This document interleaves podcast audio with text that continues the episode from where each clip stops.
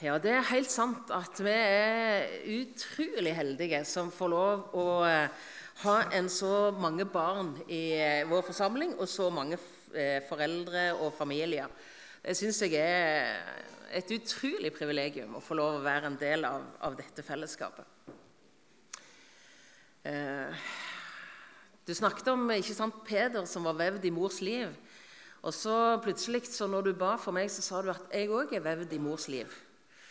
Eh, og det er egentlig ganske eh, fantastisk. Det er du òg. Og tenkt på det i det siste, at eh, du fins fordi at Gud ville det. Tenk det. Du fins fordi at Gud ville det.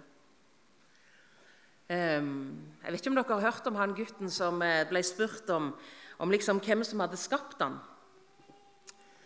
Så sier han sånn at Gud han skapte meg så store, og resten det har jeg vokst helt av meg sjøl. Det er jo litt lett å tenke sånn. Men tenk at det, det er i Han vi lever og rører oss til. Ifra unnfangelse til død så lever vi fordi at Gud vil det, fordi at Han puster sin livsånd i oss.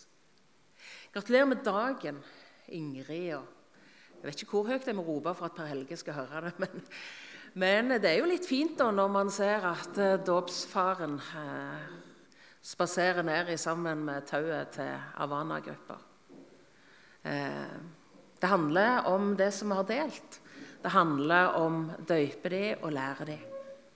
Mm. Gratulerer med dagen til familie og storfamilie og Marit og Sondre. Og det har vært en dag som jeg har bedt for, og det har vært personer involvert her som vi skal få lov å be for i fellesskap. Jesus, vi takker for det som du allerede har gitt oss. Takk at du gir liv. Jesus, du er livets herre. Så er det du som gir det evige livet, Jesus. Med det store underet som skjer Jesus når, når din ånd puster på mennesket, Jesus. Og så får man del i det evige. Livsfellesskapet med deg og med hverandre. Og så har jeg lyst til å takke deg for alle disse som er her i dag. De som er her i rommet nå. De som er i ulike rom. Takk for at du har unnt meg, Jesus, å få lov å være en del av dette fellesskapet. Takk for at du unner oss hverandre. Hjelp oss å heie hverandre fram, Jesus. Og hjelp oss å få flere med. Amen. Som Øystein sa, så eh, har jeg eh, Jeg har talt nå det siste året egentlig om personer i Bibelen. I dag blir det ikke en enkeltperson, men det blir en håndfull mennesker. En håndfull disipler som er på vei til Galileafjellet, et fjell i Galilea. Og Det står i vers 16 i Matteus 28.: Men de elleve disipler drog til Galilea, til fjellet hvor Jesus hadde satt dem stevne. Jesus hadde bedt dem å komme.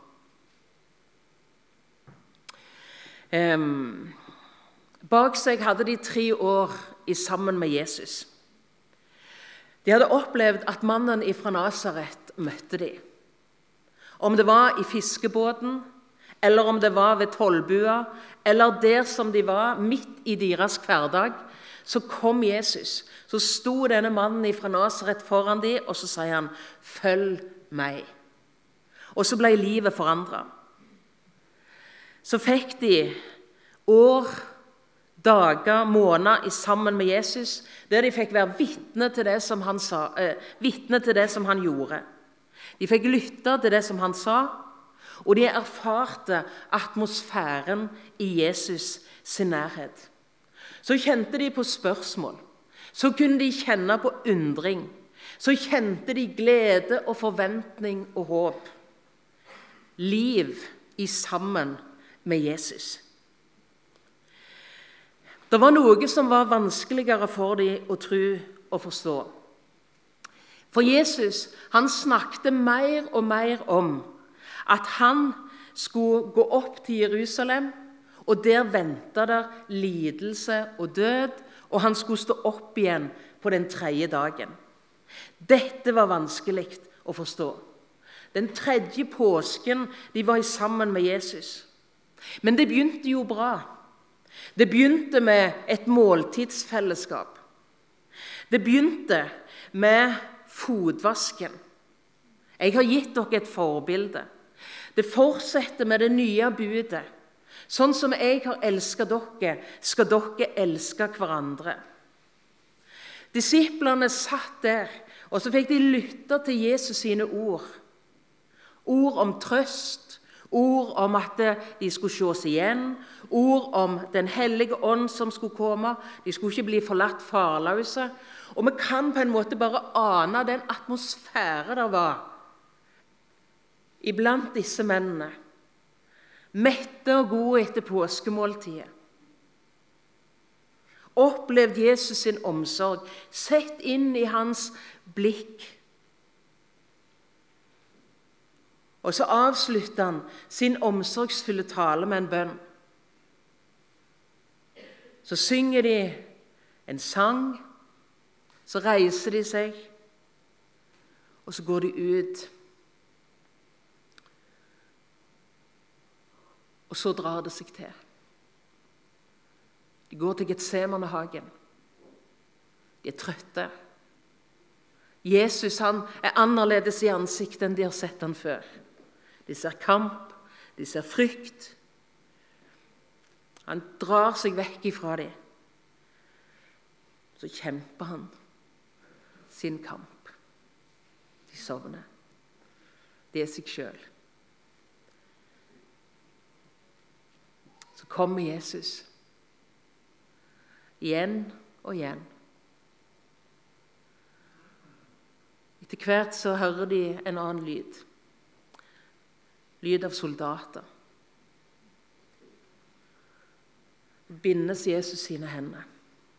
Er det meg de leier, dere leter etter, så la disse gå. Så stikker de av, disiplene. Noen fyller langt bak. Flokken som går imot ypperstepresten sin gård. Der forhør venter. Falske anklager. Torturen. Lynsjestemningen. De ser han som de elsker, bøyd under et kors, blodige rygg, tornekrone og panne så fyller de han. Kanskje på lang avstand. Kanskje det er bare så vidt de skimter han i folkemengden. Opp imot Golgata. Sjøl så stakk de av. De som hadde lovt så dyrt og så hellig.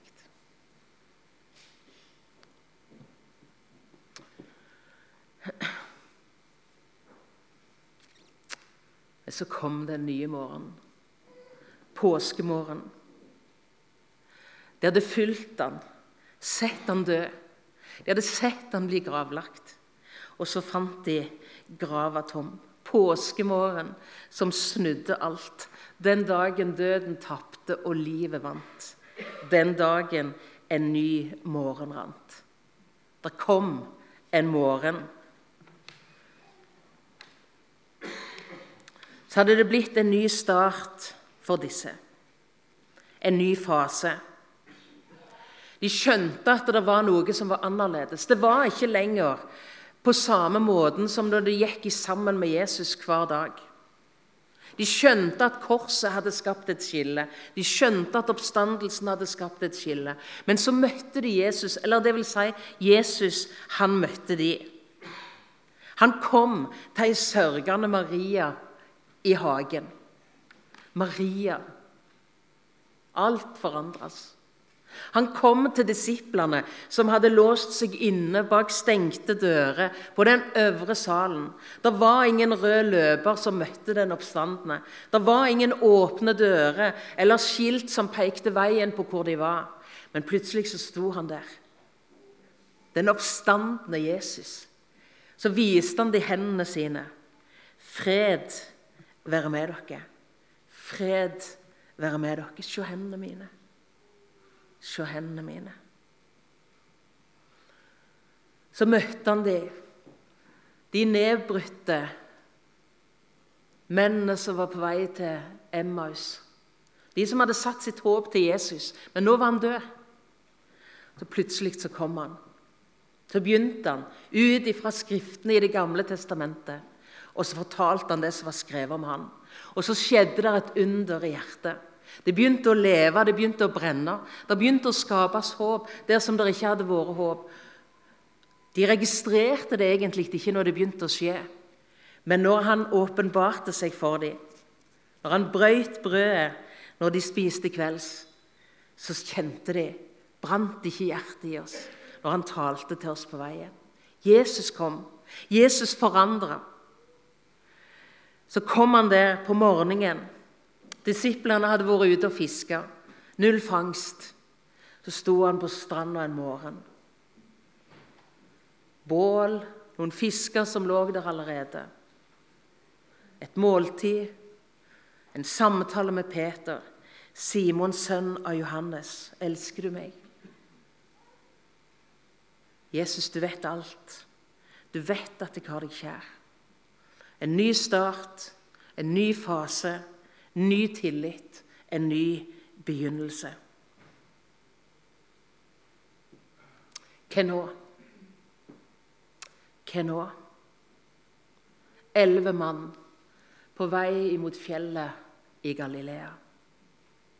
Jesus hadde talt til dem om at han skulle reise i forveien opp til himmelen. Jesus hadde fortalt dem om Den hellige ånd som skulle komme. Han hadde fortalt om at eh, sånn som Faderen hadde sendt ham, sånn skulle han sende dem. Og du kan vite det var mange løgne følelser. Tenk alt det de hadde opplevd de siste dagene. Av si, den djupeste fortvilelse. Sorgen over seg sjøl, over sitt eget fall og nederlag. Usikkerheten, spørsmålene. Det fantastiske når Jesus kom, syn av de naglemerkte hendene, lyden av stemmen hans som taler om fred, om tilgivelse, om noe nytt. Men hva er det egentlig? Hva er det egentlig?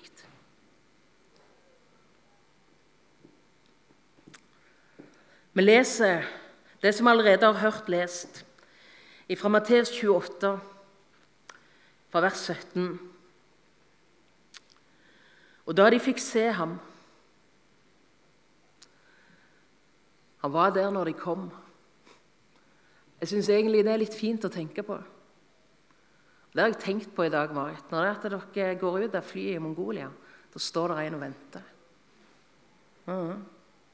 Det er ikke bare at han blir med, men han står og venter. Han sto og venta der på Galileafjellet. Feller de ned og tilber han. Står det noen tvilte. Å, takk og lov. Er det ikke litt deilig at det var vanlige folk da òg som var disipler? Ulike personligheter. Ulike Måten de reagerte på det, på det, som hadde skjedd i det siste, det var forskjellig. Noen var der med tvilen sin, noen var der med trua si, men det som var felles, det var at de var der. At de bøyde seg for den oppstandende.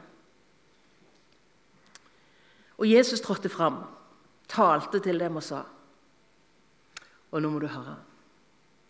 Meg er gitt all makt i himmel og på jord.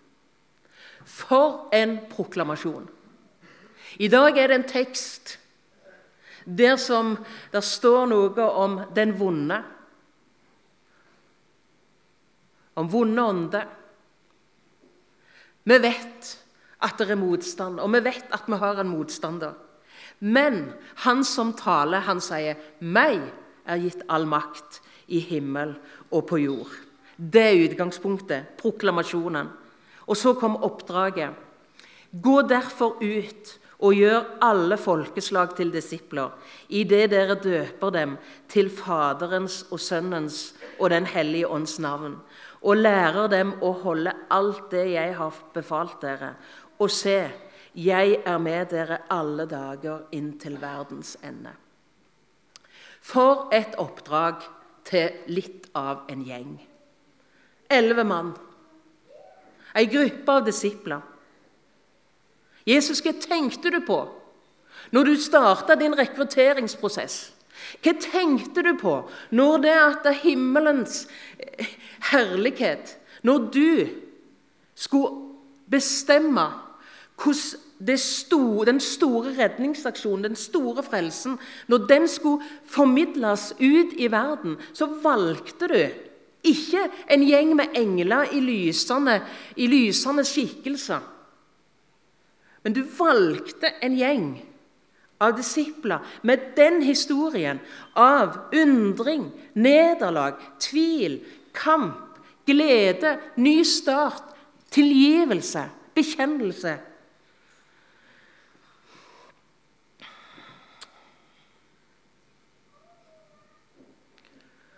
Han satsa på seg sjøl når han satsa på oss. Det gjorde han misjonsbefalingen. Så vet vi litt av historien. Om pinsedagen, om Den hellige ånd som kom, om misjonen. Om det ordet om Jesus som har gått fra person til person, fra generasjon til generasjon, fra kontinent til kontinent, fra folkeslag til folkeslag. Etter ca. 1000 år så kom det til vårt land. For ca. 1000 år siden så ble korset planta her, langt imot nord.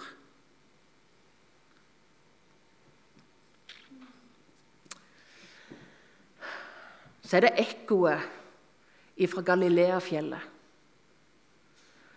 Frykten av oppdraget vi er vitne til og vi er med på når vi har dåp. Når det er at vi i dag får være med og bære på vår måte, på bønnen sine armer, Peder til dåp, så er det et ekko fra Galileafjellet. Så er vi med på noe av det som Jesus ba sine disipler om å gjøre. Og Ingrid og Per Helge, fadre og forsamling, stor familie. Vi skal få lov til å være med på dette oppdraget og lære dem. Jonah og Peder. Hvorfor har vi Avana-gruppene? Jo, det er fordi det har lydd et oppdrag på Galileafjellet. Hvorfor har vi misjonsprosjekt? Fordi det han lydde et oppdrag fra Galileafjellet.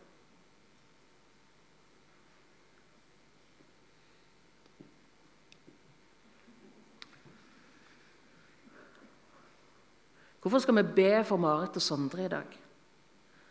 Jo, Det er fordi at Jesus han snakker fremdeles til disiplene sine om nye folkeslag.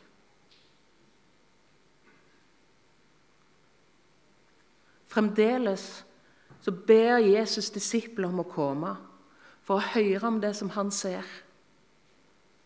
De menneskene som ennå ikke har hørt. De unådde var på å bursdagsfest her i går. Gave til Norea Mediemisjon. Ca. 16 000 folkeslag, mener jeg å huske. Flere tusen har ennå ikke hørt om Jesus. Så er det noen barn som ligger på en sofa på Flekkerøy. Så er det noen som sitter på hesteryggen i Mongolia. Dette landet langt i øst, der 70% av folket i Asia er hinduer, buddhister eller muslimer. Så er det et ekko, et ekko fra Galileafjellet. Meg er gitt all makt i himmel og på jord. Gå derfor ut og gjør alle folkeslag til mine disipler idet de døyper dem i Faderens og Sønnens og Den hellige ånds navn, og lærer de å holde alt det som jeg har befalt. Og se, jeg er med dere alle dager inntil verdens ende.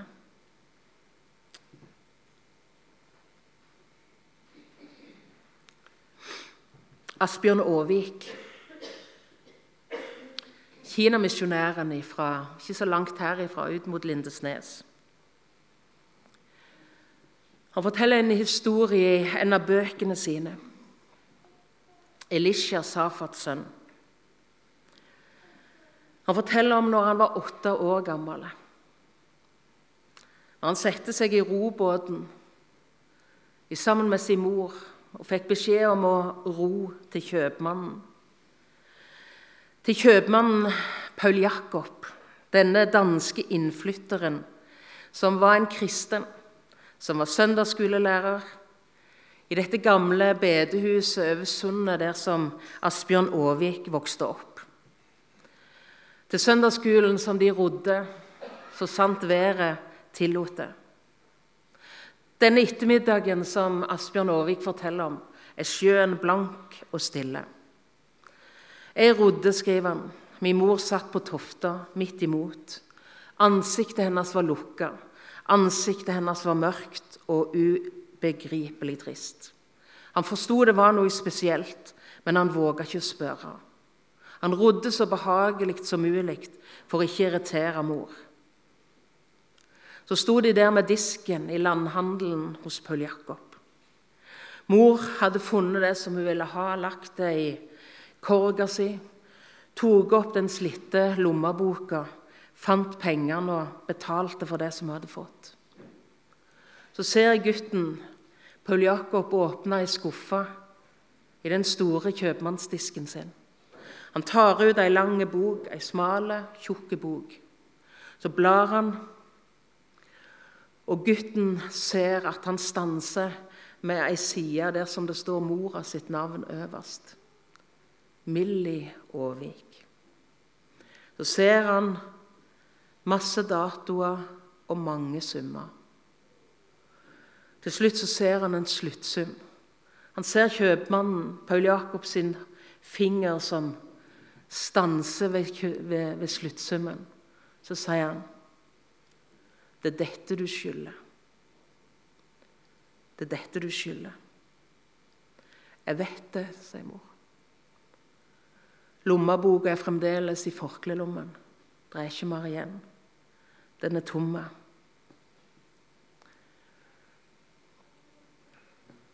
I et glimt så forstår åtteåringen hva som hadde lagt de mørke skyggene over mor sitt ansikt. Bekymringen hos enker med de mange barna og de små ressursene. Hun kunne ikke betale. Fremdeles er vi bare tre i butikken, skriver Asbjørn Aavik. Paul Jakob han tar boka si tilbake, snur den, åpner en ny skuff, finner fram en tjukk, rød penn. Med den pennen så stryker han over alle gjeldspostene. Ved sluttsummen så skriver han 'oppgjort'. Så løfter han blikket på mor, og så sier han 'Det er i orden, Millie'. Åtteåringen ser mor sitt ansikt briste. Tårene som renner. Når hun klarer liksom å ta seg litt inn igjen, så skal prøve å si noe, så hører de lyden av klokka på, på døra inn til handelsmannen. Det blir stilt, og Paul Jakob han smiler bare, og så sier han, 'God tur hjem igjen'. God tur over sundet. På veien tilbake sitter åtteåringen igjen med årene. Han ser inn i mor sitt ansikt. Rynkene og skyggen er borte. Han ser inn i et smil og hører mor si, 'Så flink du har blitt til å ro, gutten min.'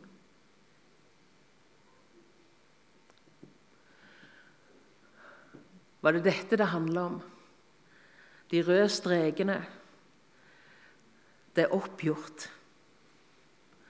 Bare den fattige erfare den dype gleden over å bli tilgitt og ettergitt.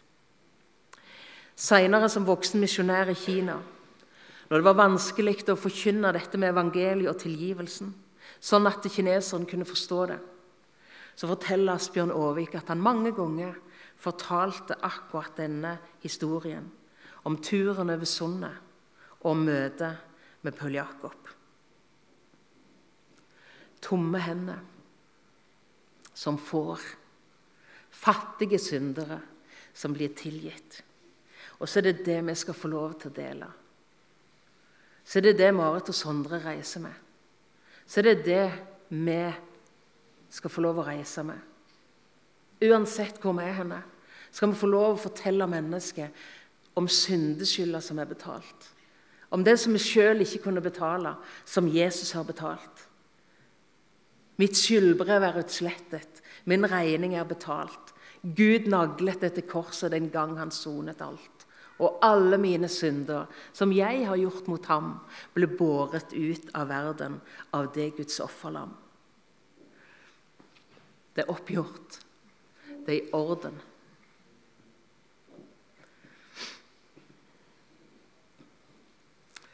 Så til slutt et avgjørende løfte. Uansett hvor vi er henne.